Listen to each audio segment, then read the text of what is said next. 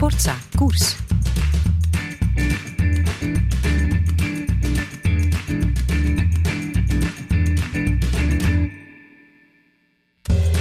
Welkom bij een nieuwe aflevering van Jonge Wolven, een podcastreeks onder de paraplu van Sportza Koers over jonge talentvolle renners.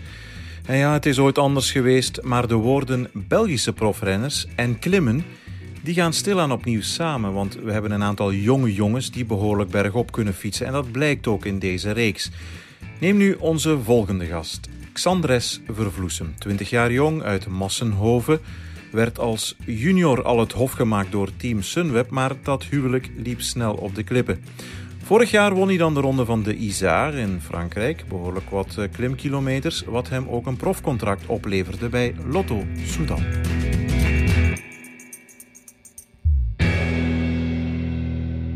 Hallo, mag ik eens vragen? Mm, Ik zal waarschijnlijk niet de eerste zijn, maar naar jouw voornaam.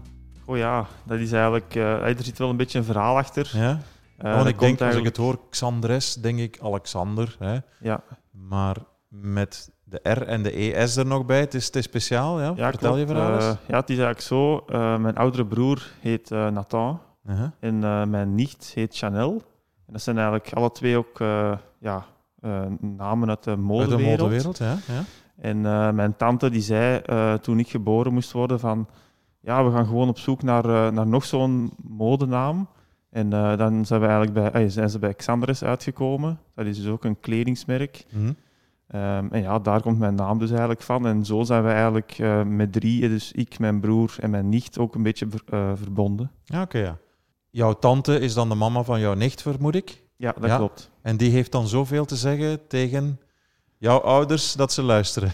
Eh goh, ja, ja, die relatie zit toch wel goed, Ja, ja. Dus, eh, precies, ja, Ja, daarmee, ja. dat is wel eh, leuk. Ja, oké, ja, ja. Krijg je daar vaak vragen over? Want het is inderdaad niet een zo voor de hand liggende naam. Ben je het misschien al beu gehoord, die vraag? Eh, nee, ik heb er nog niet zoveel vragen over gehad. Ja. Eh, sinds mijn overwinning in de Ronde van Isar Ja. wel enkele, maar voordien eh, niet, niet echt zo vaak. Ja, oké. Ja, dat, is, wel- dat is een mooi verhaal eigenlijk. Want ik wou meteen ja, ook voor de voeten gooien van ja, de jonge gasten tegenwoordig. Het zijn allemaal eh, speciale voornamen. Remco is niet zo voor de hand liggend. Je hebt Mauri, je hebt Ilan, Xandres. Vroeger eh, was het gewoon Tom en Johan. Dat was makkelijker. Ja, klopt. Dus wel speciaal. Ja, oké. Mag ik eens even teruggaan met jou naar je kindertijd? Vanaf welke leeftijd fiets je?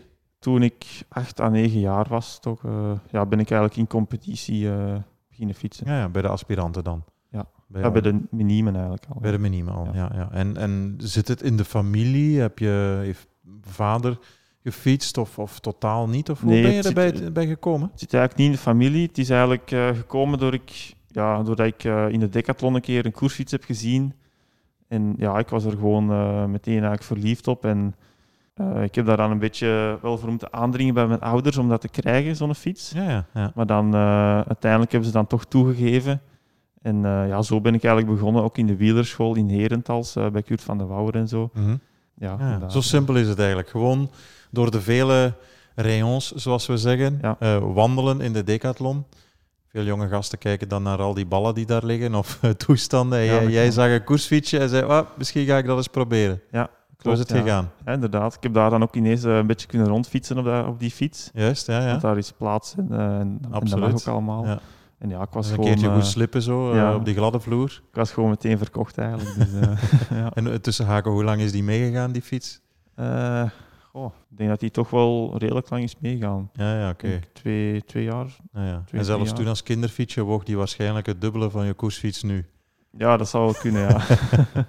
Oké, en, en je hebt dan een koersfietsje, thuis wat rondhossen en, en dan? Ja, want vaak moet je dan toch ergens een aanzet krijgen van, om te gaan koersen of, of bij wielertouristen mee te gaan fietsen? Of, Ja, of ja. hoe is dat bij jou ja, verlopen? het is eigenlijk zo eh, dat er hier eh, in het dorp toen op dat moment ook al iemand was dat eh, eigenlijk naar de wielerschool ging. Mhm. En ik kende die dan ook van op school en ik wist ook dat hij zelf ja, met de koersfiets reed.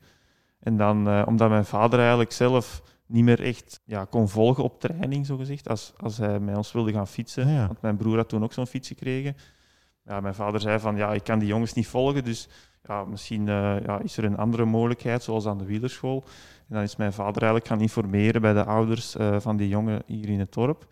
En toen waren En jullie dan- nog maar negen of tien jaar eigenlijk. ja, dat En- klopt. En, toen kon pa al niet meer volgen. Ja, nee, maar hij had dan ook, ge- hij had, eh, ook geen koersfiets natuurlijk. Ja, oké, een oké. gewone stadsfiets.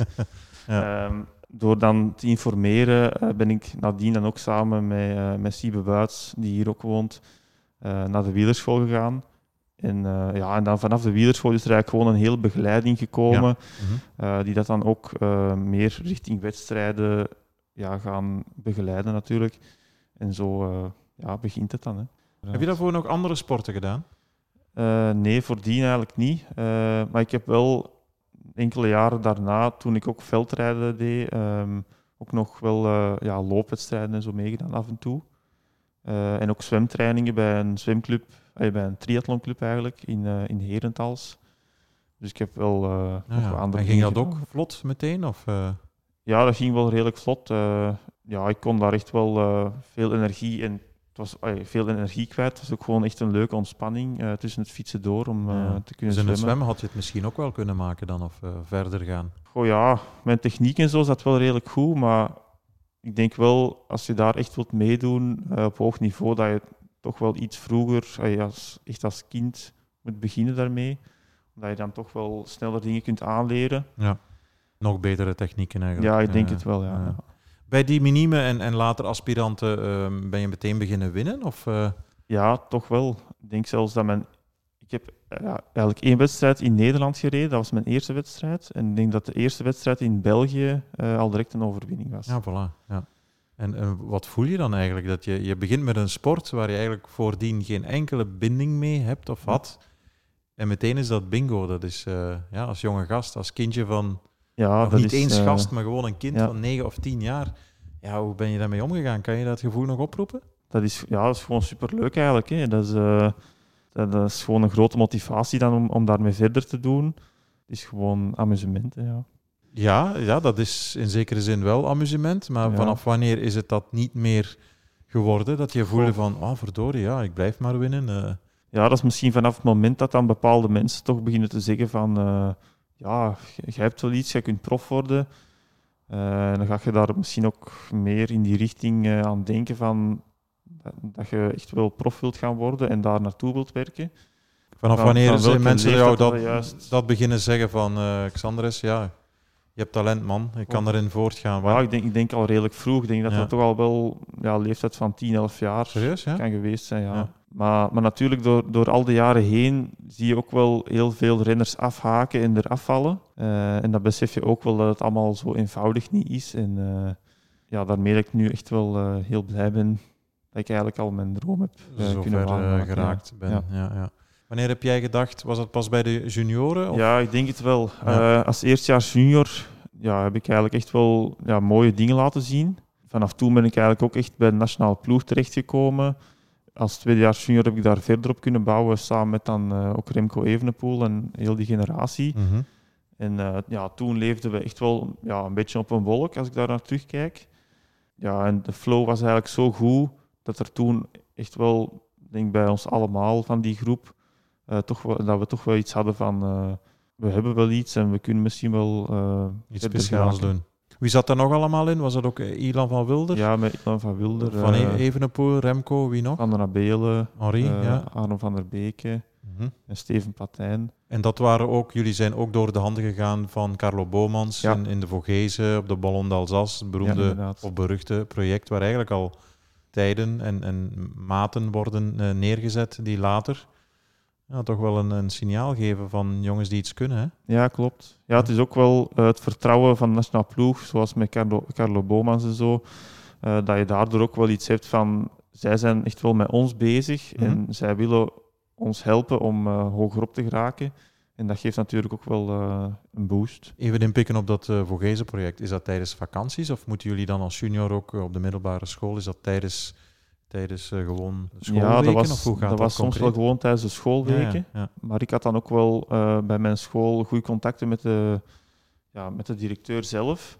Uh, die daar ook wel echt achter stond, achter sport. En die steunde dat ook wel. Um, en flexibel in meeging dus die eigenlijk. het dan wel toe en die zorgde er dan ook wel voor dat ik al de lessen een beetje kon, kon meepikken, ook via de andere studenten. Dus op zich werd dat allemaal wel goed geregeld. Wat heb je gedaan in het middelbaar? Uh, ik heb uh, tot het vierde jaar heb ik Latijn wiskunde gedaan. Mhm. En dan eigenlijk, uh, om de combinatie met wielrennen iets gemakkelijker te maken, heb ik dan gekozen voor wiskunde wetenschappen, met acht uur wiskunde wel. En op zich ging die combinatie wel. het was soms wel druk, maar uiteindelijk ik denk wel dat ik daar al redelijk goed mijn limieten heb kunnen aftasten. En dat ik wel wist tot waar dat de limiet was natuurlijk dan. Op zich was dat wel goed om, om zeker niet te laag te springen. Nee, nee, maar het zijn toch zware studies natuurlijk. Hè? Ik bedoel, ja, Ja, woordjes Latijn, oké, ik denk in het vierde middelbaar moet je die niet meer leren. Dat zijn vooral in de eerste jaren, maar toch, je moet, Ja. het aan, je moet uren daarmee bezig zijn, of toch een tijd. Als je junior bent, moet je toch ook al ietsje meer dan anderhalf uurtje trainen. Dus Ja, eh, toch klopt, drukke dagen voor, voor jonge mannen. Hoe heb je dat gecombineerd? oh ja. Ja, het was Of was je misschien een eh, student die, die heel snel kon studeren, of iemand die met weinig training toekomt? Of, eh, Ja, ik denk dat ik ook niet zoveel getraind heb Nee. eh, als junior. Dan vooral eigenlijk tijdens de vakanties en periodes dat dan wel ging. Maar ik heb zeker niet overdreven veel, veel volume getraind, denk ik. Ehm, om- omdat ik ook gewoon wist van, ik moet nu nog niet zoveel trainen. Ik moet nu gewoon proberen om met de juiste trainingen ja, iets te laten zien. En als het dan eh, later daartoe draagt om, om beter en, me- en meer te gaan trainen, ja, dan heb je daar nog wel tijd voor. progressie natuurlijk. Wat eigenlijk wel een goede zaak is, hè? dat er nog wat rek op zit. Dat je nog Ja. niet alles uit je lichaam professioneel gehaald hebt als junior. Wat je Klopt, soms van ja. anderen wel hoort. Hè? Van oei, die zit al aan zijn top wanneer hij overkomt. Ja, en dat is natuurlijk ook wel te wijten aan, aan goede begeleiding van mijn trainster toen. Mhm. Dus daarmee is het dan ook gewoon eh, gemakkelijker om die combinatie dan eh, te doen met school. ja. Jouw trainster, Karen Steurs, Ja, dat klopt. nog altijd vandaag, hè? Eh, nee, niet- niet vanda- tot vandaag niet meer. Nee. Eh, nu is het eigenlijk via de ploeg Via de ploeg, Eh, ja. Nu heb ik eh, een trainer van Energy Lab. Juist, ja, ja. Had je, eh, wa- want voor de mensen die misschien de naam wel kennen, ze is ook vooral triatlete geweest, Ja, Karen. Ehm, zelfs ook na triathlon-carrière ook even renster geweest, toch? Hè? Ja. Had jij helden vroeger? Ehm, Heb je posters Ja. gehad op je kamer van, eh, van coureurs of misschien van andere sporters echt posters niet, maar toch wel... eh, popsterren? ik had zo... Ik heb een keer twee kaartjes gemaakt, eh, twee foto's eigenlijk, eh, afgeprint. Dat was dan van eh Cancellara en Alberto Contador. Mhm. En die nam ik dan gewoon eigenlijk mee in mijn zak tijdens de koers, oké, als, ja. als Ja. geluksbrenger. Mhm. Ehm, dus ja, dat waren, dat waren wel beetje helden voor mij. Oké, twee Ja. uiteenlopende types. De ene tijdrijder, Ja, eh, klassiek renner. De andere een, een gevleugeld, ja, een adelaar zeg maar, in de bergen. Van waar? Goh, eh, Uitstraling? ja, eh, ik, ik weet nog een keer eh, dat ik bij de aspiranten eh, ja, een solo had opgezet. Toen zeiden er mensen van, ja, die stijl dat je op je fiets ziet, lijkt, dat doet me echt denken aan Cancellara. ja, ja, ja. En dan begint, dan, daardoor begint je al zelf wat meer gaan, naar die renner te gaan kijken. En dan, eh, ja, daardoor heb ik dan ook wel die, die bewondering voor hem eh, gevonden. Maar ja, ik keek sowieso ook wel graag naar, naar, eh, naar klimetappes in de Tour de France en zo. Ja, de manier waarop Contador eigenlijk koerste, met echt ja, panache en durven aanvallen en durven verliezen. Ja, dat is eigenlijk gewoon het mooie van de sport, vind ik. Ja. want in die periode had je natuurlijk ook een man hier uit de streek, Jurgen van den Broek, maar die sprak dan minder aan. Ja, op, dat, op dat moment sprak die minder aan, denk ik, omdat ik ook niet echt zo ermee bezig was, met, met ook al de andere renners of zo, ik weet het niet juist. ja, ja. Maar die, die appreciatie is wel eh, meer en meer eh, ja, gekomen, eh, doordat ik ook in 2017 ja, met hem eigenlijk heb kunnen trainen in de Vogezen. Juist. Dat hij daar ook was bij, op- tijdens het klimproject. Door eigenlijk hem daar eh, te leren kennen en zijn manier van, van werken en zo te zien, heb ik ook wel echt beseft dat hij heel veel heeft kunnen bereiken in zijn carrière. Ja, door zijn karakter. Ja, dat vind ik ook wel echt eh, heel mooi en daar heb ik heel veel eh, appreciatie voor. Ja, ja. Ga daar, dat was heel interessant. Ga daar nog eens dieper op in, op die manier van werken. Als je zegt van ik heb daar toen gezien hoe hij dat deed, hoe dan? Het ding is eigenlijk dat, dat hij heel veel kritiek heeft gekregen omwille van dat hij vaak gewoon ja, eigenlijk alles op de toer zette en op, andere wedstrijden ja, niet echt focuste. Mhm. Maar dat vind ik ook juist het mooie aan hem, dat hij één doel heeft en dat hij daar echt gewoon voor de, voor de volle 100% naartoe probeert te werken. En hij heeft maar één ding in gedachten en dat is dan de Tour de France. Eh, terwijl de andere renners dan misschien gaan, gaan denken van ja, dat is misschien toch iets te hoog, te hoog gegrepen en ik ga wat kleinere koersen proberen winnen. Maar hij probeert echt gewoon het hoogste te bereiken. En daar hard voor te werken. En dat vind ik wel heel mooi. Dat je zo eigenlijk... Eigenlijk een voorbeeld. Ja. Ja, ik vind dat wel, ja. Een, een weg die je ook, een pad dat je ook zou willen bewandelen, eigenlijk, mocht het kunnen op die manier. Ja, ik denk het wel. Dat Mhm. zou wel heel mooi zijn. Ja. Dan gaat het eigenlijk heel goed met jou. Eh, Ik bedoel, je komt over van de junioren, je wordt opgemerkt door de Nederlanders. Hè? Door Ja. eh, Team Sunweb. Je begint al te lachen, want dat is natuurlijk mensen die jou goed kennen. Dat is een verhaal dat niet al te leuk is, eh, is afgelopen. Laat ons eens beginnen bij het begin. Ze Ja. komen concreet bij jou thuis, vermoed ik, om een project voor te stellen en te zeggen: Wij zien iets in jou, Xandres. Kom jij eens even lekker bij ons. Hoe, hoe gaat Ja, het? het Hoe was, is dat al, gegaan? eh, het was eigenlijk redelijk vroeg, eh, het contact. Als eerstejaars junior Toen al, had, ja. ik, had ik contact. En dat was toen dan op het einde van het seizoen, na het wereldkampioenschap, dat ik eigenlijk ja, met hun aan tafel heb gezeten. Ja. En wie is dat dan namens Sunweb? Is dat dan Spekenbrink zelf? Is dat Eh, i- iemand van de ploegleiders? Die met de jeugd- Stekenbrink was er niet bij, het was eh, Mark Reef en Mark dan Reef, iemand eh, van het Ja. management. Mhm. Eh, en zij hebben dan eigenlijk ja, een beetje de werking van de ploeg uitgelegd en zo en waar dat ze naartoe willen. Maar uiteindelijk, ja, ik moest nog twee jaar junior worden, dus het was nog wel even eer dat ik dan belofte zou zijn en bij hun in de ploeg zou gaan rijden. Dus alles was nog niet echt heel duidelijk hoe dat allemaal ging, eh, ja, ging gebeuren.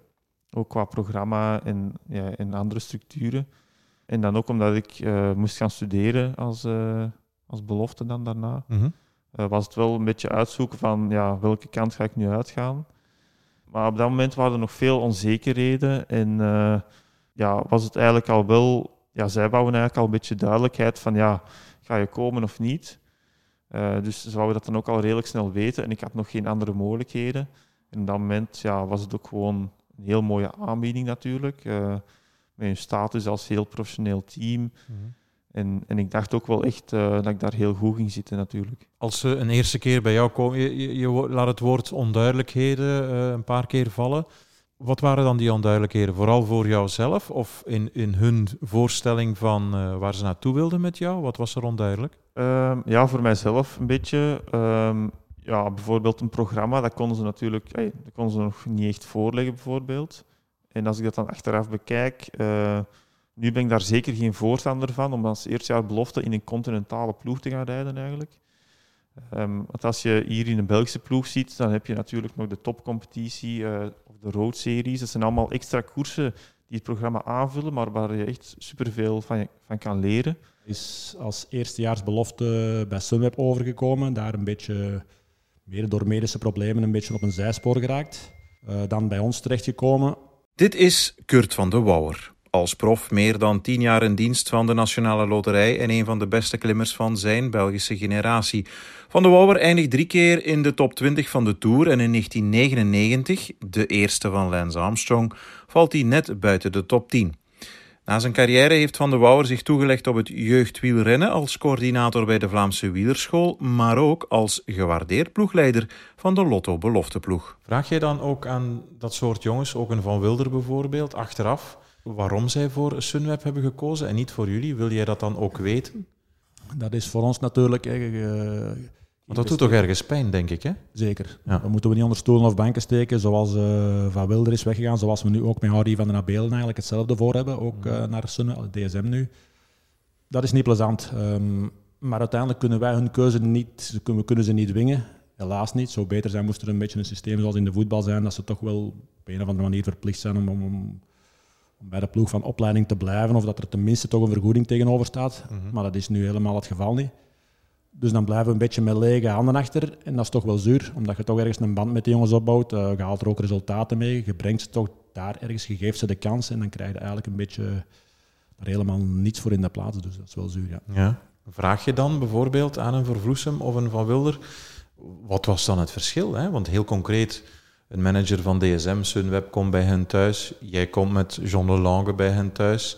Zij maken op basis daarvan grotendeels een, eh, een keuze. Wil je dan ook weten van, ja, waarom waren wij iets minder of zij beter? Of, eh, wat maakt het verschil dan?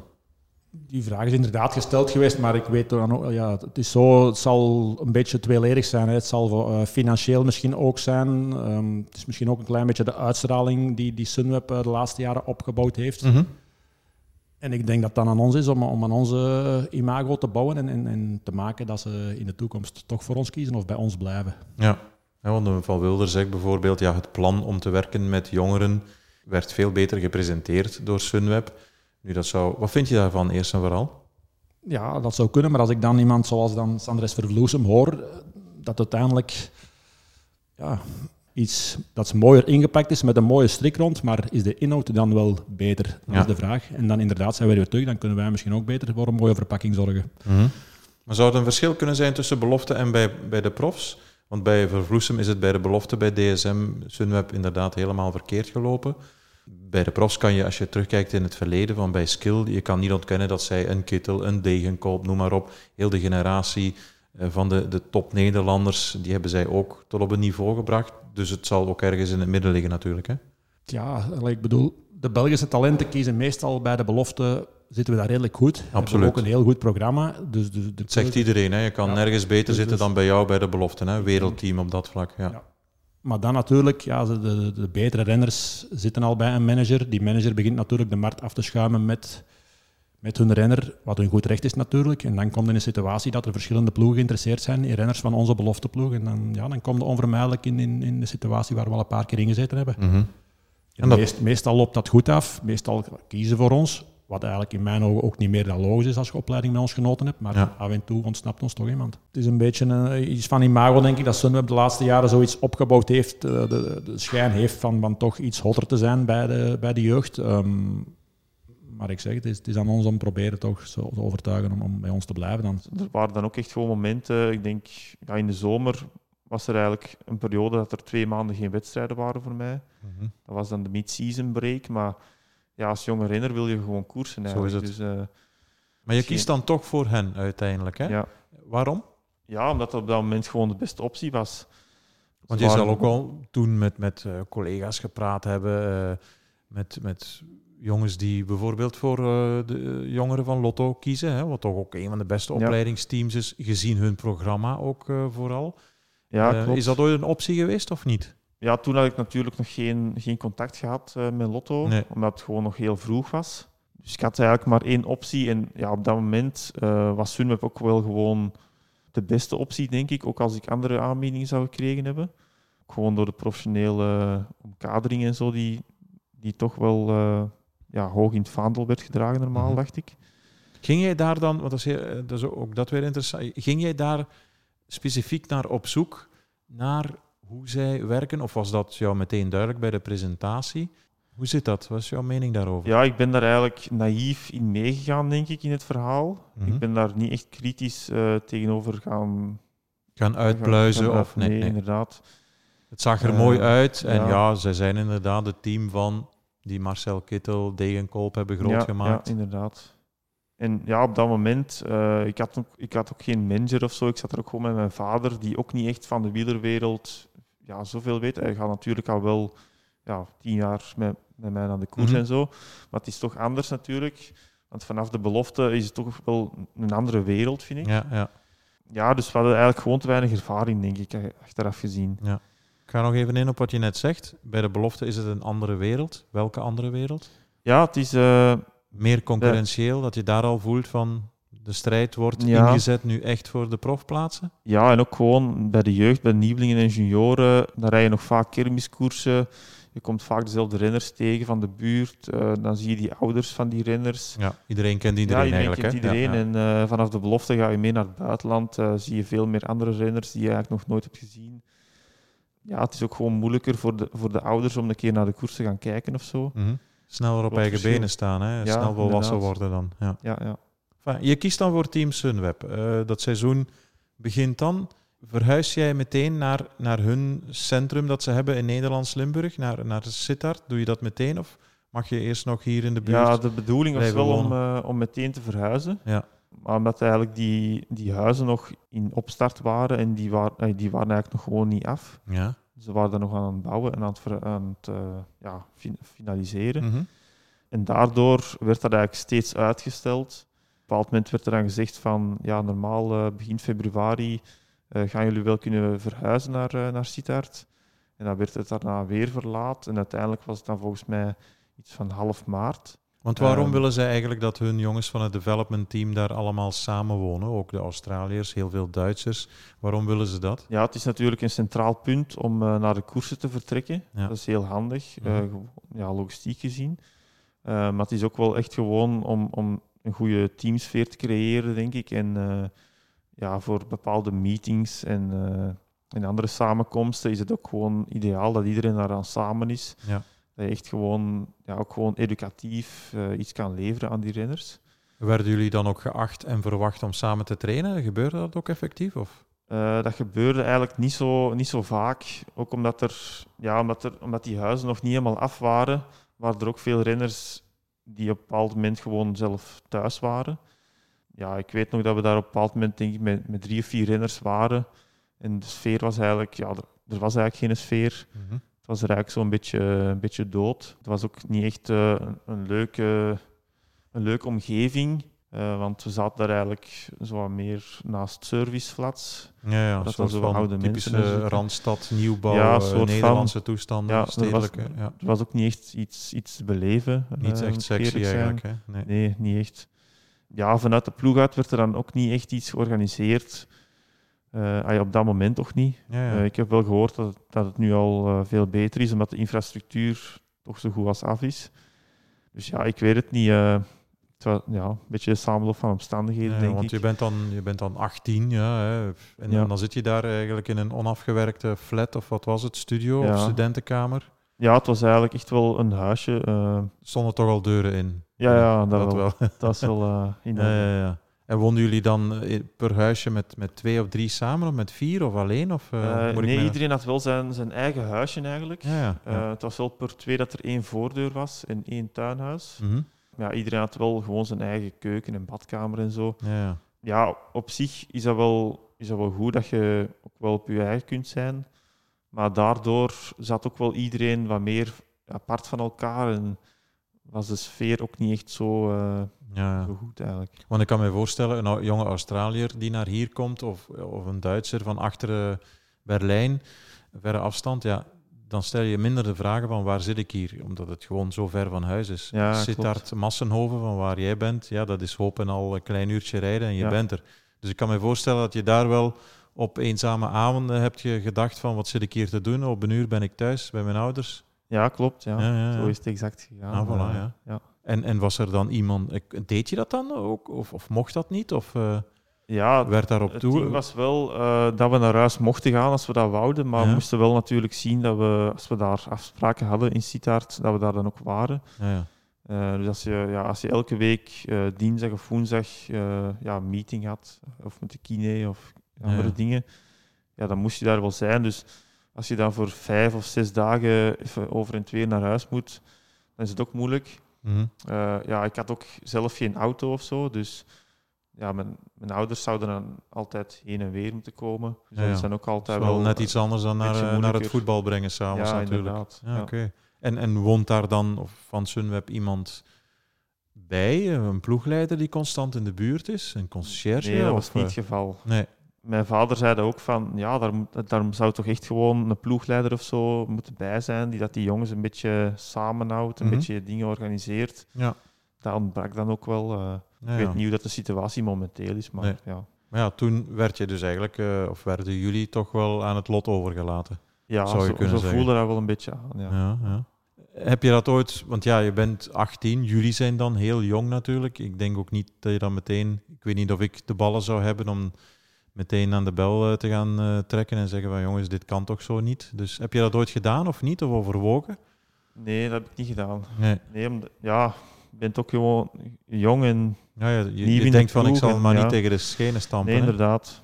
Ja. Mhm. Maar dat zijn ook wel dingen die ik daaruit leer. Ja. Eh, dat je toch wel gewoon de frustraties best van moment één op tafel kan leggen. Want als je daarmee wacht, dan wordt die alleen maar groter en groter. En als de bom dan ontploft, dan eh, komt het misschien niet meer goed. Zo is het, ja, dan is het misschien al te laat. Ja. Waren daar ook. Nederlandse jongens bij in jouw generatie toen? Want die durven meestal wel eh, ietsje meer op de man af. Wij hebben die cultuur niet zozeer, maar hebben die dat Ja. nooit gedaan of niet? Nee, niet, niet dat ik weet eigenlijk. Nee. Nee. Want wie zat er in jouw generatie bij Sunweb? Mannen die we Eh, nu kennen, was het ook... Ja, zoals Edo Maas, eh, Edo Niels, Maas, juist, Niels. Eekhoff, Eekhoff. die waren er ook wel af en toe. Want qua trainingsgebied is het natuurlijk wel top. Hè? Je zit meteen in, in, in de voerstreek, in de Limburgse Ardennen, zeg maar. Ja, ja. Het heuvellandschap. Dus qua trainingsomgeving was het wel oké, hè? Daar. ja, daar heb ik me wel echt eh, kunnen amuseren in die streek. Dat was wel leuk. Ja. Wanneer heb jij dan de beslissing genomen van, jongens, dit kan zo niet voort. Ik voel mij hier kut, zeg maar. Eh, ja, het is sowieso wel een samenloop van omstandigheden, omdat ik ook een nierinfectie gehad heb.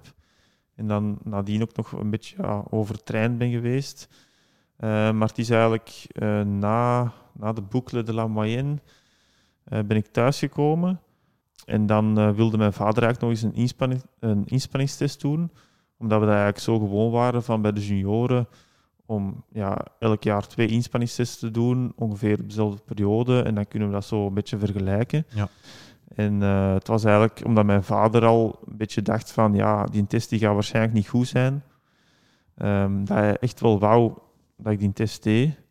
Omdat hem dan eigenlijk zo een beetje naar de ploeg ook kon laten zien van ja, waarmee zijn jullie bezig? Jullie zijn eigenlijk ja, niet, niet met- mijn zoon bezig. Of toch niet hoe dat ik wil dat jullie ermee bezig zijn. Want hij geeft natuurlijk de verantwoordelijkheid aan de ploeg. Hij heeft altijd zelf die verantwoordelijkheid gehad. En Mhm. hij voelde van ja, nu, nu laat ik die verantwoordelijkheid los en geef ik die aan iemand anders en ik zie het gewoon mislopen. Ehm, ja, en dan was er eigenlijk een beetje een discussie eh, met de ploeg over die inspanningstest. Ze wouden niet dat ik die deed.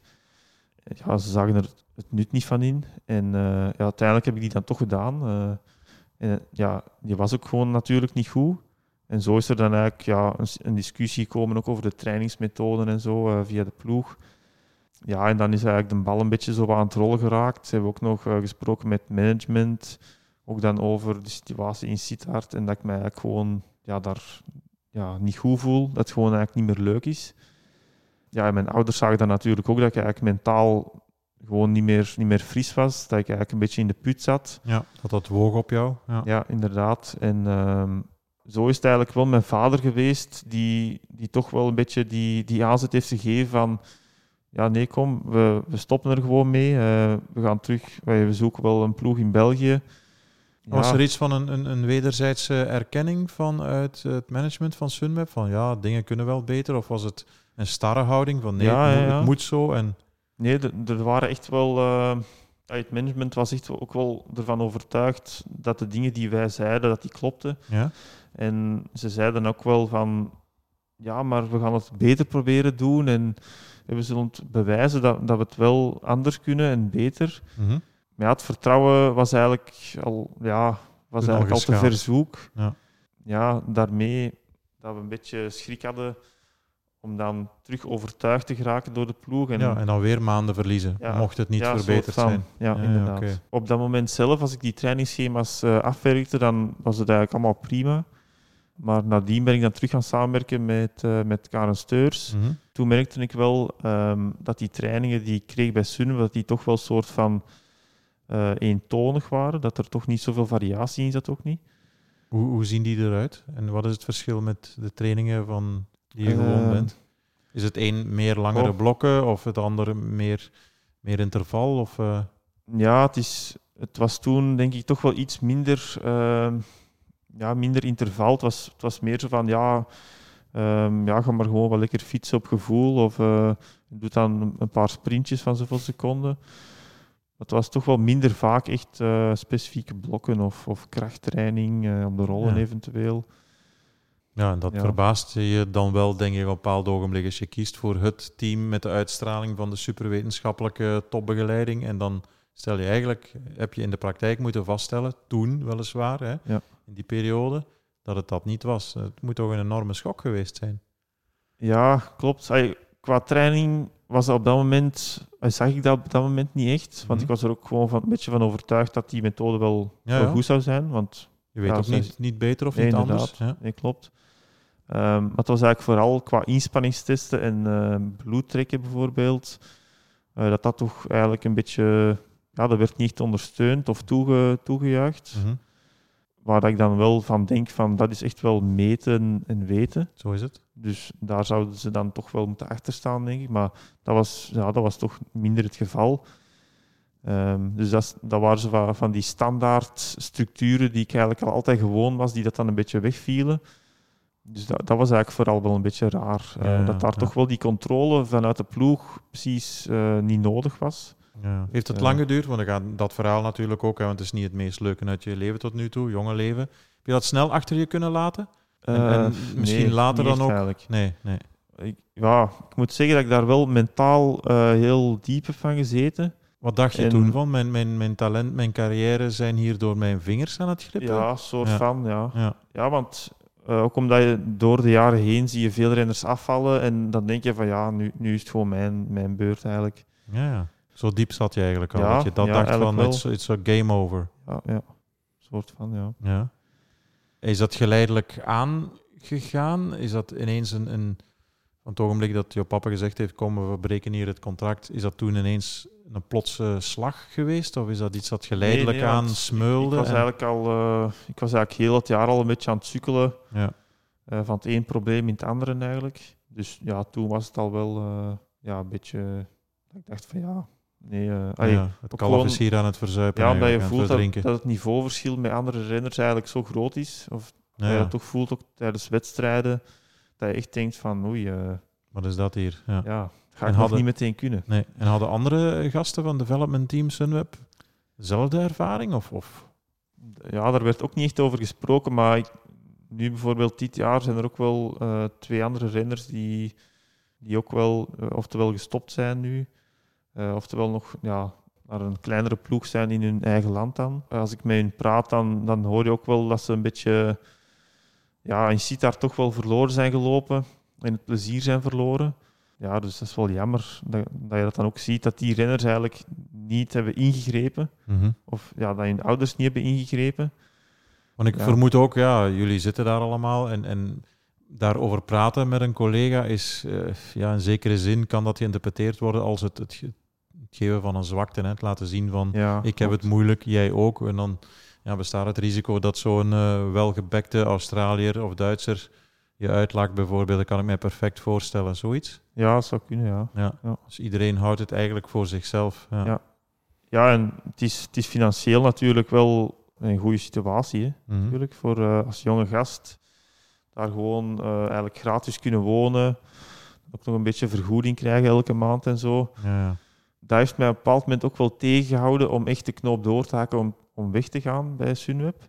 Maar het is echt wel een verdienste van mijn vader Ja, eh, dat ik nu op dit moment eh, ja, hier sta. Want Waar heb je dan ook eh, mentale opvang gevonden, ook bij je thuis, in het warme nest? Want je zei, ja, ik heb er toch wel lang van afgezien eigenlijk. Ja, ik ben ook wel even naar de psycholoog geweest. Ja. Ja, ja en, en op zich heb ik daar ook wel veel van geleerd om dingen te kunnen relativeren en om, om alles een beetje anders te bekijken.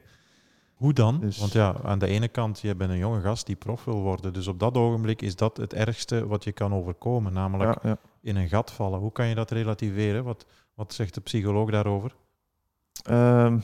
Goh, ja, het, het eerste punt was eigenlijk eh, dat ik in een soort isolement was geraakt, dat ik eigenlijk altijd een beetje op mijn eigen was. Die zei van ja, probeer het eh, af te spreken met vrienden. En hey, toen ging dat nog eh, met de corona, Mhm. Hey, die, die er nog niet was natuurlijk. Ja, ja, ja. Maar dat zijn wel dingen, dan besef je ook dat er nog andere dingen zijn dan fietsen en dat je ook vrienden hebt en dat je daar leuke dingen mee kan gaan doen. En zo ja, vind je dan terug wat plezier. Dan komt alles een beetje terug in zijn plooi eigenlijk. Mhm. Dan is dan het opvangnet Lotto gekomen, Lotto Soudal, bij, bij Kurt van de Wouwer, Ja. hè, bij de belofte. Ja, klopt. Dat was een pak van je hart, vermoed ik. Ja, sowieso. Eigenlijk is dat een beetje gekomen door, eh, door Steven Patijn, waarmee ik ook eh, samen heb gereden bij de junioren. Mhm. Ja, ik was er nog enkele keren mee gaan trainen samen. En eh, ja, ik zei toen dat het niet goed ging bij Sunweb. En ja, toen heeft hij eigenlijk gezegd van, ah ja, maar ja, dan moet hij eh, naar Kuur bellen of zo, want die zou dat misschien wel, wel interessant vinden. En daardoor heb ik eigenlijk ook die stap gezet, want ik dacht eigenlijk van, ja, wa- waarom zou ik nu vragen om naar Lotto te gaan? Ik heb niks laten zien, eh, ja, ik kan eigenlijk echt niks voorleggen. Dat is gewoon belachelijk om, eh, om, daar, al- om daar naartoe te stappen. Ja, ja. Ja, want ja, je zelfvertrouwen was al niet optimaal, Nee, vermoed ik. En dan plots zeggen van, hallo, hier ben ik, heb je nog een plaatje ja. voor me? Voor hetzelfde geld zou men jou kunnen hebben weggelachen, zeg maar. Ja, Ja, soort van, ja. Mhm. Dat dus- was niet het geval. Nee, dat was niet het geval. Ik werd daar eigenlijk echt eh, heel goed ontvangen. En Mhm. Ja, ik was echt wel verbaasd dat er toch wel een soort van vertrouwen nog was eh, in, mijn, ja, in mijn kwaliteiten. Waarom eigenlijk? Want ja, ze volgden jou ook al van bij de junioren natuurlijk. Ze wisten welk Ja. vlees ze in de kuip eh, konden hebben. Ja, inderdaad. Ik denk ja, van bij de junioren. En toen dat ik dan ook gewoon mijn verhaal heb kunnen doen over wat dat er allemaal is misgegaan en hoe het juist allemaal gelopen is. Als ze daar dan meer inzicht in krijgen, dan ja, daardoor eh, denken ze dan misschien toch van ja, oké, er zijn gewoon dingen misgegaan. En uiteindelijk eh, ligt het misschien ja, niet per se aan de, aan de kwaliteiten die je hebt. Is het gewoon een beetje de omkadering en zo. Dus ja, Ja. daarmee. Ik wil nog heel kort even, en dan laat ik het woord Sunweb niet meer vallen. Heb jij over jouw ehm, ervaringen gesproken met Ilan van Wilder? Nee, daar heb Nee. ik eh, niet over gesproken. Nee. Ja, want hij ja, is, is nu, begint aan zijn tweede seizoen bij eh, ja. DSM, Sunweb. Heeft ook voor hen gekozen omwille van het plan. Mhm. Het werken met jonge renners, eh, toekomst, het opleiden, waar ze ook ervaring mee hebben. Voelt zich daar heel gelukkig eh, op- tot op dit ogenblik. Ja. Maar je hebt nog niet de behoefte... gedane zaken nemen geen keer, dat weet ik ook wel. Maar je hebt niet... Omdat daar zit een contrast. Ehm, Ja, er zit sowieso een contrast, maar ik heb ook wel iets dat... eh, omdat je hem ook kent van bij, bij de jeugd natuurlijk. Hè? Het is geen ja, onbekende. klopt. Ja, mijn verhaal, dat is hoe het bij mij gelopen is. Mhm. Het was sowieso ja, een samenloop van omstandigheden. En bij andere renners gaat het misschien juist anders lopen. Of ja, als je bijvoorbeeld andere normen en waarden hebt, dan is het misschien wel allemaal oké. Ehm, dus ja, het ik vind het ook moeilijk om, om te zeggen aan andere renners van ik zou er niet naartoe gaan, want ik heb dit en dat meegemaakt. Ja, ik denk ook niet dat dat mijn taak is. Nee, Eh, dat is waar, dat is waar. Dan moet hij er voor zich maar uitmaken. ja, ik denk het wel. Mhm. Oké. Vervloesem heeft bijna 20 minuten gesproken over een heel belangrijk moment in zijn leven, hè, de mismatch met team Sunweb. En daarom leek het ons, journalistiek, ook correct om toch ook even een reactie aan het team zelf te vragen. We citeren. We vinden het spijtig, zegt Sunweb, om de ervaringen van Xandres te horen. Hij kwam in de ploeg tijdens de opstartfase van ons Keep Challenging Center in Limburg. Inmiddels zijn we volledig operationeel met dagelijkse begeleiding en alle topsportfaciliteiten binnen handbereik. En voor de renners die momenteel in Limburg verblijven, is deze omgeving met zijn faciliteiten juist het argument om voor Team DSM te kiezen. Wij kennen de geschiedenis met Xandres. De aanleiding om de samenwerking te beëindigen ging echter over geheel andere zaken. Over de manier van topsportbedrijven en hoe daarin met andere mensen in zijn omgeving om te gaan. Uiteraard wensen we Xandres alle succes in zijn ontwikkeling en het beste voor zijn toekomst. Einde citaat van de perswoordvoerder van team DSM, het vroegere Sunweb. Mag ik nog heel even teruggaan naar de junioren? Want ehm, ik had het eventjes over het hoofd gezien, maar eh, wel ooit in Timister La Glaise heb jij eh, toch ook wel een, een beroemd iemand geklopt en verslagen. ja, hè? klopt. Ja. Een eh, Remco Evenepoel. Ja. Kunnen niet veel jongens zeggen. Nee, dat is waar. Ja. Ik ben er nog altijd wel trots op. eh, ja. Ja.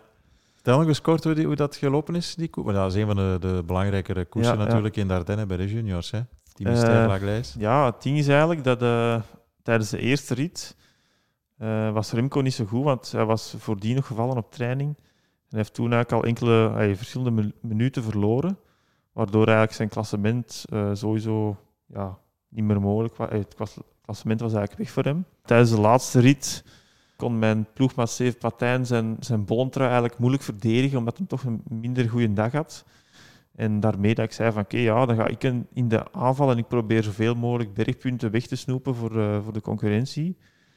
Ja, en toen is Remco eigenlijk mee in de aanval gegaan. Ja, dat draaide gewoon keigoed rond en zo. En eh, uiteindelijk, het is ook al even geleden, ik weet ook niet meer juist hoe het ja, allemaal juist ja. gelopen is, maar ik weet nog wel dat ik toen heb gezegd tegen Remco van ja, ik rij vol een bak voor mijn klassement, want ik kon daar podium rijden en ook voor het jongere klassement, eh, dat kon ik nog winnen. Eh, en dan ging ik er wel vanuit dat Remco ging winnen, dat hij dan de rit ging winnen, omdat hij toch voor het klassement, eh, voor het klassement eh, niks Niet meer in aanmerking Nee, kwam. ja. inderdaad. Maar dan uiteindelijk, hij ging de sprint dan aan op die kasseien daar in Timister. En hij zei dan nadien ook dat hem iets, ja, iets te zwaar stond. Ja, ik voelde ook dat er niet zoveel sneeuw op zat. En ik voelde Donovan al komen achter mij. Mark Donovan, ja. Ja, en ik dacht van ja, ja, nu moet ik wel zelf gaan en ja, volle bak sprinten, want anders uh, gaat die Donovan nog uh, met de overwinning aan de haal. Ja, en zo vond ik dan uiteindelijk die sprint nog. Ik weet ook niet van waar ik die kracht heb gehaald, want ik heb bij echt tot de laatste minuut dubbel geplooid om het gat met achtervolgers zo groot te houden, om dan mijn klassement uh, goed te krijgen. Dus ja, het was, het was wel een beetje mirakel eigenlijk, denk ja, ik. Ja. Andere jongens van die generatie, bijvoorbeeld, daar heb je weer Ilan van Wilder, die zegt van ja, je mag mij die naam zoveel voorschotelen als je wil. Ik ben van Wilder, ik rij mijn eigen koersen, mijn eigen leven. Ik heb in de schaduw kunnen groeien. Hoe zit dat met jullie jongens? Ja, klopt. We zijn er wel een beetje in de schaduw misschien ja, doorgekomen. Maar uiteindelijk hebben we echt wel gewoon um, veel koersen op hoog niveau kunnen rijden met, mm met Remco. En, en we hebben ook wel echt gewoon als, als team leren koersen, omdat we dan echt een kopman hadden. Uh, en als ik daar naar terugkijk, naar die periode, heb ik echt wel het gevoel dat we, dat we daar allemaal veel sterker van geworden zijn en dat we daar echt wel uh, veel van geleerd hebben. Ook. Ja, ja. ja. Want op het WK was je er ook bij, hè? Ja, In uh, Innsbruck. Ja. Jij kan en kon toen ook met een fiets rijden. Maar als je ziet wat hij daar bijvoorbeeld doet, 86 keer vallen en dan iedereen nog mm. voorbij rijden en, en met zes kwartier bij manier van spreken, denk je dan soms niet van oei verdorie, ja, dat is nog van een andere planeet? Of hoe, moet, hoe schatten jullie dat in? Want jij hebt met hem gekoerst en, en zal dat nog doen. Ja, dus... Want jullie kunnen ook fietsen, anders word je geen prof natuurlijk. En dan heb je... Mhm. Ja, klopt. Maar ja, je, je, ziet dat ook wel bij de profs, dat er ook heel grote verschillen kunnen zijn. Ja, ik heb zo'n keer uh, iets, iets gezien van Andy Schlek, uh, dat hij ook op trainingskamp uh, ja, dan aan het trainen was en dat hij zei van ja, je ziet gewoon dat mijn niveau eigenlijk uh, veel, veel beter is dan van die andere jongens. Mhm. Dus dan besef je ook wel dat dat bij de profs ook nog wel uh, kan. Dat die klassementstrainers toch wel ja, nog heel wat meer kwaliteiten hebben. Ja. Dus ja, ik denk ook wel dat het dan geen schande is om, uh, om ja, een soort van gewone renner te zijn in vergelijking dan met Remco, die toch wel echt uitmuntend is. Ja, nou, dat is waar. Le coureur qui devient de l'équipe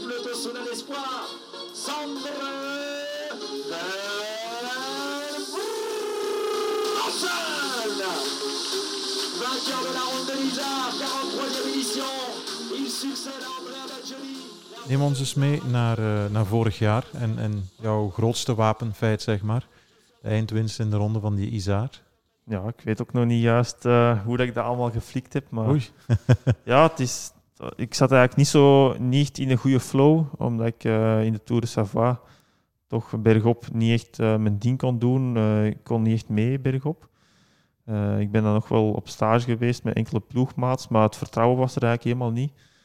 En daarmee ben ik eigenlijk gewoon een open vizier ook naar die koers gegaan, naar de Isaar. Ja, de eerste rit um, was het wel belangrijk dat er iemand mee was in de ontsnapping.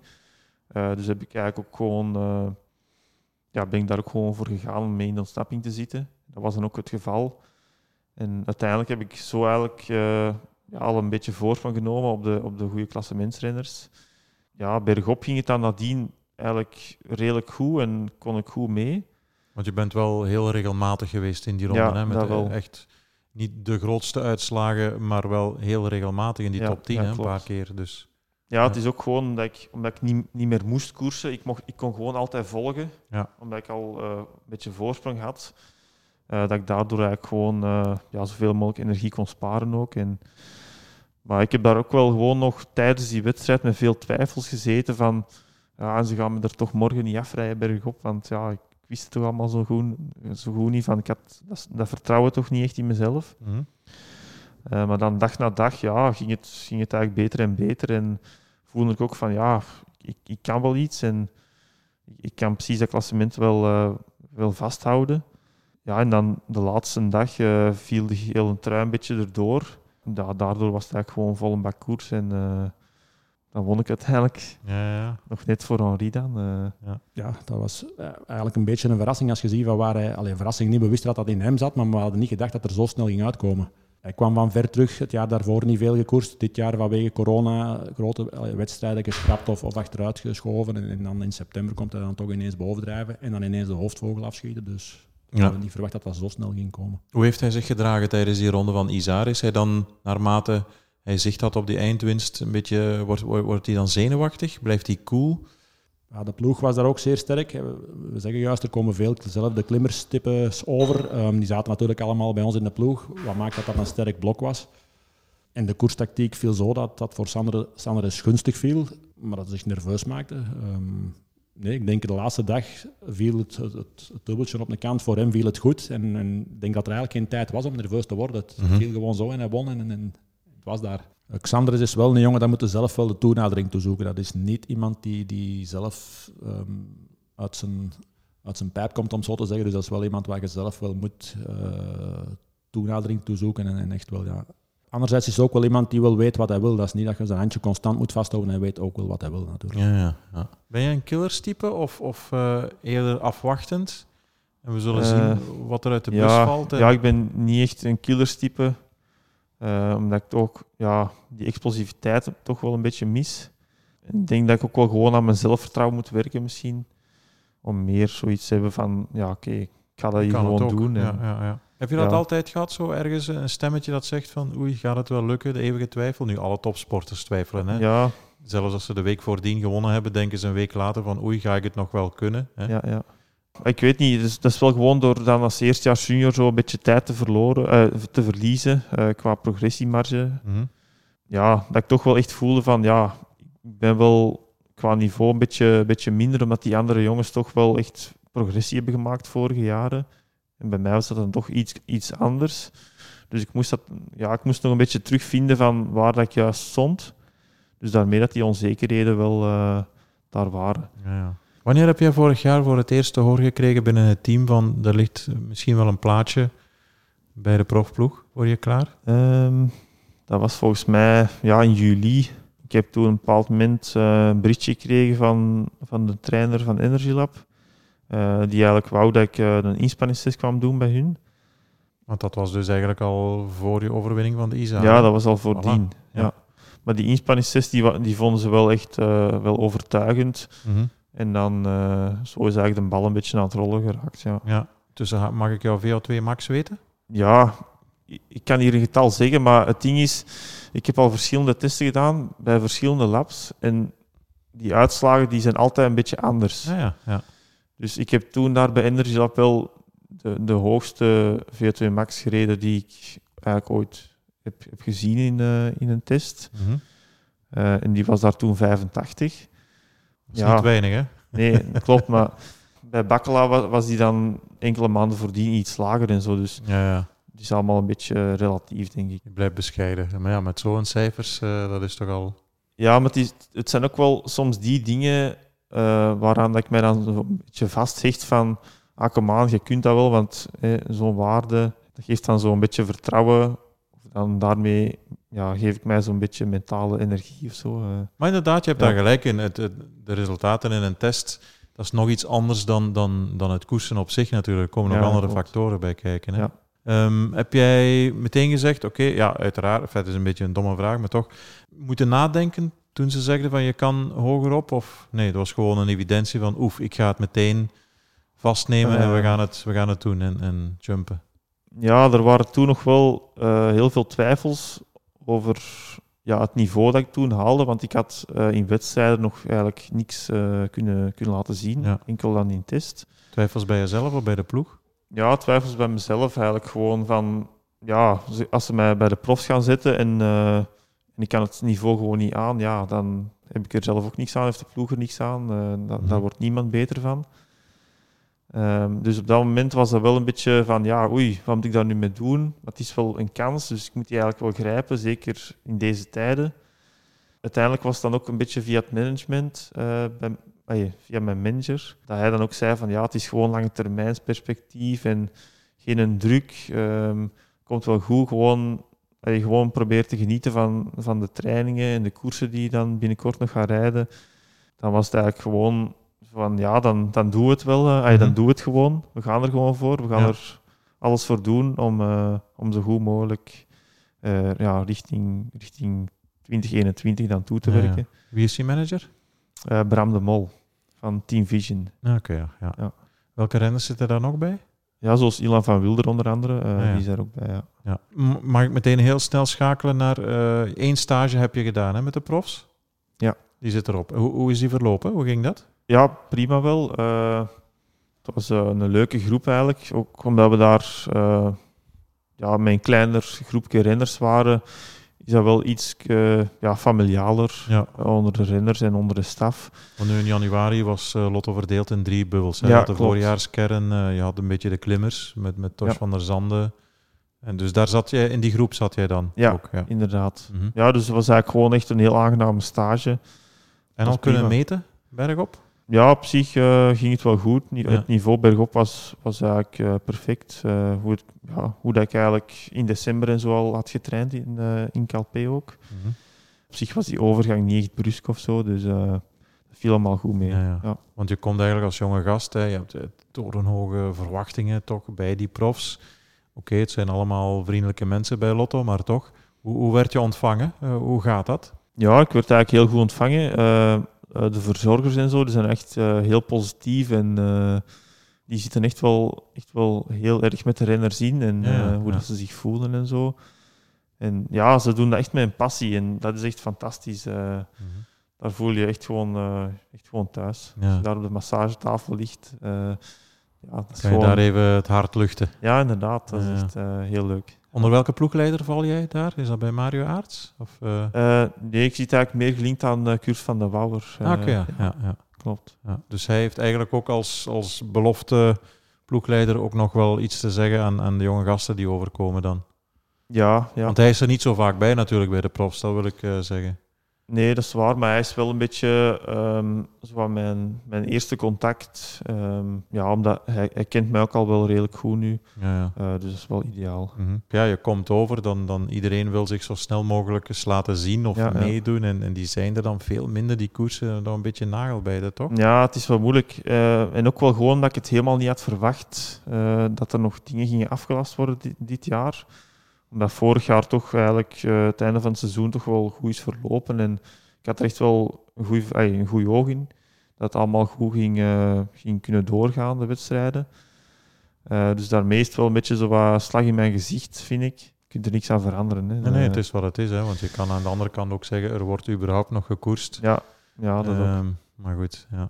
Oké. Hoe zie jij jezelf? Wat, wat, is je droom eigenlijk? Wat, wat wil je eindigen als je over 10, 15 jaar terugkijkt en zegt van, nou, toch een mooie carrière gehad? Als? Ja, ik denk uh, dat we dan terug kunnen aanknopen bij Jurgen van den Broek, denk ik. Ja. ja.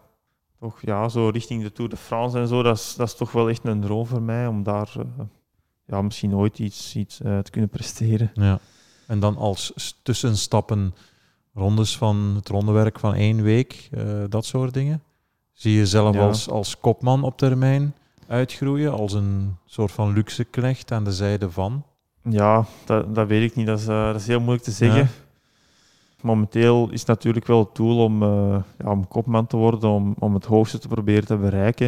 Het zal allemaal wel duidelijk worden uh, de volgende jaren hoe dat, dat juist gaat, gaat evolueren. Ja, ja. Wat voor een, een, een, jongen is het eigenlijk voor Vloesem qua karakter? Alexander is een rustige jongen eigenlijk. Echt iemand, um, ik zal zeggen, een campenzoon. Zoals ze in de campen altijd zeggen, dat ze hier stil zijn, een beetje teruggetrokken zelfs, uh, rustig. Maar hij zal wel alles opnemen rondom hem. Um, zal ook doen wat er gevraagd wordt. Uh, of hij echt de mentaliteit van een kopman, winnaar heeft, uh, daar heeft hij misschien nog te weinig nu, nog te weinig... Um, ervaring voor opgedaan om, om dat nu te kunnen zeggen. Uh, uiteindelijk zijn twee jaren belofte zijn geen enkel van de twee jaren waren volledige jaren. Mhm. Maar ik denk dat dat nu stilletjes aan moet groeien bij hem en, en, en kijken hoe ver dat hij kan komen. Ja, want uitslagen alleen zeggen niet alles, maar als je kijkt naar zijn uitslagen, een winnaarstype is hij niet, hè? Nee, nee. Het is ook, ja, het, het is eerst een klimmerstippen heeft niet echt een sprint in de benen om, om, om het dan af te maken. Dus een winnaar is zeker niet. Maar ik denk zijn sterk punt is dat hem heel regelmatig is. Ik denk in rittenwedstrijden naar de toekomst toe, hij recupereert heel goed. Mm dus um, eerder iemand om in het klassement, uh, degelijke klassementen te rijden. En waar zie je hem eindigen? Wat voor coureur zou hij kunnen worden? Ik uh, denk eerder iemand voor de, om te beginnen toch voor de rittenwedstrijden van één week. Zien hoe ver hij daar kan komen en dan uh, moet de toekomst uitwijzen of, het ook, of hij ook geschikt is voor, voor uh, grote rondes van drie weken. Mm -hmm. Maar dat is nu momenteel heel moeilijk in te schatten. Dat is heel vroeg, ja. Als, als helper, als luxeknecht van een kopman in eerste instantie? Of kan zo iemand doorgroeien op termijn? Hetzelfde antwoord, moeilijk in te schatten. Ja. Hoeveel progressie zit er nog op? Momenteel zou ik Ik zou zeker bij die jonge gasten de lat niet te hoog leggen. Um, natuurlijk, ze moeten ambitieus zijn, daar niet van. Maar je moet ook niet, niet ergens de lat te hoog leggen, zodat er te veel druk op hun schouders komt. Ik denk dat we ze een tijd moeten geven om, om rustig te groeien. En, en, dan gaan we kijken, ehm, is het in dienst? Niks mis mee. Maar sowieso uh, zal hij af en toe toch zijn eigen kansen kunnen gaan in, in, in ritten. Je studeert nog op dit ogenblik? Ja, klopt. Wat doe je op uh, milieuwetenschappen? Uh, ja, milieu- en natuurwetenschappen. Ja. En, en waar is dat? dat is eigenlijk afstandsonderwijs aan de Open Universiteit. Oké. ja. Um, maar ik kan dan wel examens afleggen aan de Universiteit van Antwerpen. Mm -hmm. Uh, dus zo kan ik dat wel een beetje regelen uh, tussen de stages en koersen door. Oké, okay, ja. En is dat dan, was het vorig jaar in september het eerste jaar dat je daarmee begonnen bent, of tweede uh, al? Nee, ik ben eigenlijk al begonnen in 2018. 18 al, ja. ja. September, ja. Dus je hebt nu al ja, ik x aantal nu, studiepunten. Ik zit nu aan mijn, aan mijn derde jaar, -hmm. maar ik heb nu ongeveer 75 studiepunten afgewerkt. Ja. ja. Is het nog combineerbaar? Is het... Is het moeilijk? Ja, het, is wel, je soms? Het is wel uh, moeilijk. Uh, ik heb nu ook ja, in december een hele maand uh, al in Spanje gezeten. En nadien dan de, de ploegstage. Ik ga nu zelf nog eens twee weken. dus het is zo moeilijk om echt gesetteld te geraken en, en zo een beetje die structuur te hebben. ja, het is zo wat meer zo tussen de soep en de patatten door. Zo, af en toe proberen goed wat te studeren. Ik merk wel dat ik zo met een draai er nog wat moet invinden nu. Ja. Um, dat het toch wel iets moeilijker is dan vorig jaar. Maar ja, ik hoop gewoon dat ik uh, mijn draai erin kan vinden. En, en waarom precies? Omdat de, de, de, dagen langer zijn, de trainingen langer, om nog meer van huis dan als belofte? Of? Ja, ja, het is toch wel iets meer van huis ook. Dus dan heb je sowieso al, al iets minder tijd. En uh, als je dan eens een keer uh, ja, een uurtje kan relaxen, dan, dan is het misschien ook wel beter, ook ja, fysiek en mentaal, dat je die, die rust even neemt in plaats van dan nog uh, aan die boeken te zitten. Ja, ja. Met ja. deze studie, wat zou je dan eventueel kunnen worden? Mocht je geen coureur zijn? Milieuambtenaar ja, het is, het is bij, bij, een stad? Of hoe moet ik ja, dat het is eigenlijk heel breed. Ik, ik, heb zelf ook niet echt ja, een voorkeur wat ik er juist mee wil gaan doen, maar zo ja, milieuadviseur in bepaalde bedrijven en zo. Ja. Dus, Zit ook wel in de lift natuurlijk. Hè? Ja, klopt. uh, maar goed, daar gaan we in principe niet van uit. Hè? Nee, maar ja, ik wil wel uh, voor, voor als, ik een, als ik een carrière kan uitbouwen voor nadien, dan zou het wel leuk zijn dat ik dan in die branche ja, verder ja. kan gaan. En leg je zelf dat op, of is dat ook van thuis meegegeven? Of, of zeggen die nu van ja, Xandres, je bent nu prof, geniet ervan, dus je, je kinderdroom. Uh, die studies zien we later misschien nog wel, of is daar ook toch een lichte druk van? Ja, mijn ouders uh, leggen er wel uh, ja, een beetje druk op dat ik, dat ik die studies toch zeker niet opgeef. Ja. Ja, omdat ze er ook wel van overtuigd zijn dat, dat het is gewoon zo dat de, dat de wielerwereld ja, onzeker is. Um, dus is toch wel aangeraden om iets aan de, achter de hand te hebben. Ja, ja, ja. Dus daarmee steunen ze dat wel ten volle. Ja. Voilà. Ik wens je heel veel succes jonge kerel die begint aan een, uh, een nieuw leven, zeg maar, als prof. Het is toch ja. wel iets speciaals natuurlijk. Hè? Ja, denk ik wel. Af en toe wat uh, kriebels in de buik, zoals een eerste schooldag, vermoed ja, klopt. ik. ja. Ik wens je daarbij heel veel succes. Dankjewel, Sandres. Ja, dankjewel.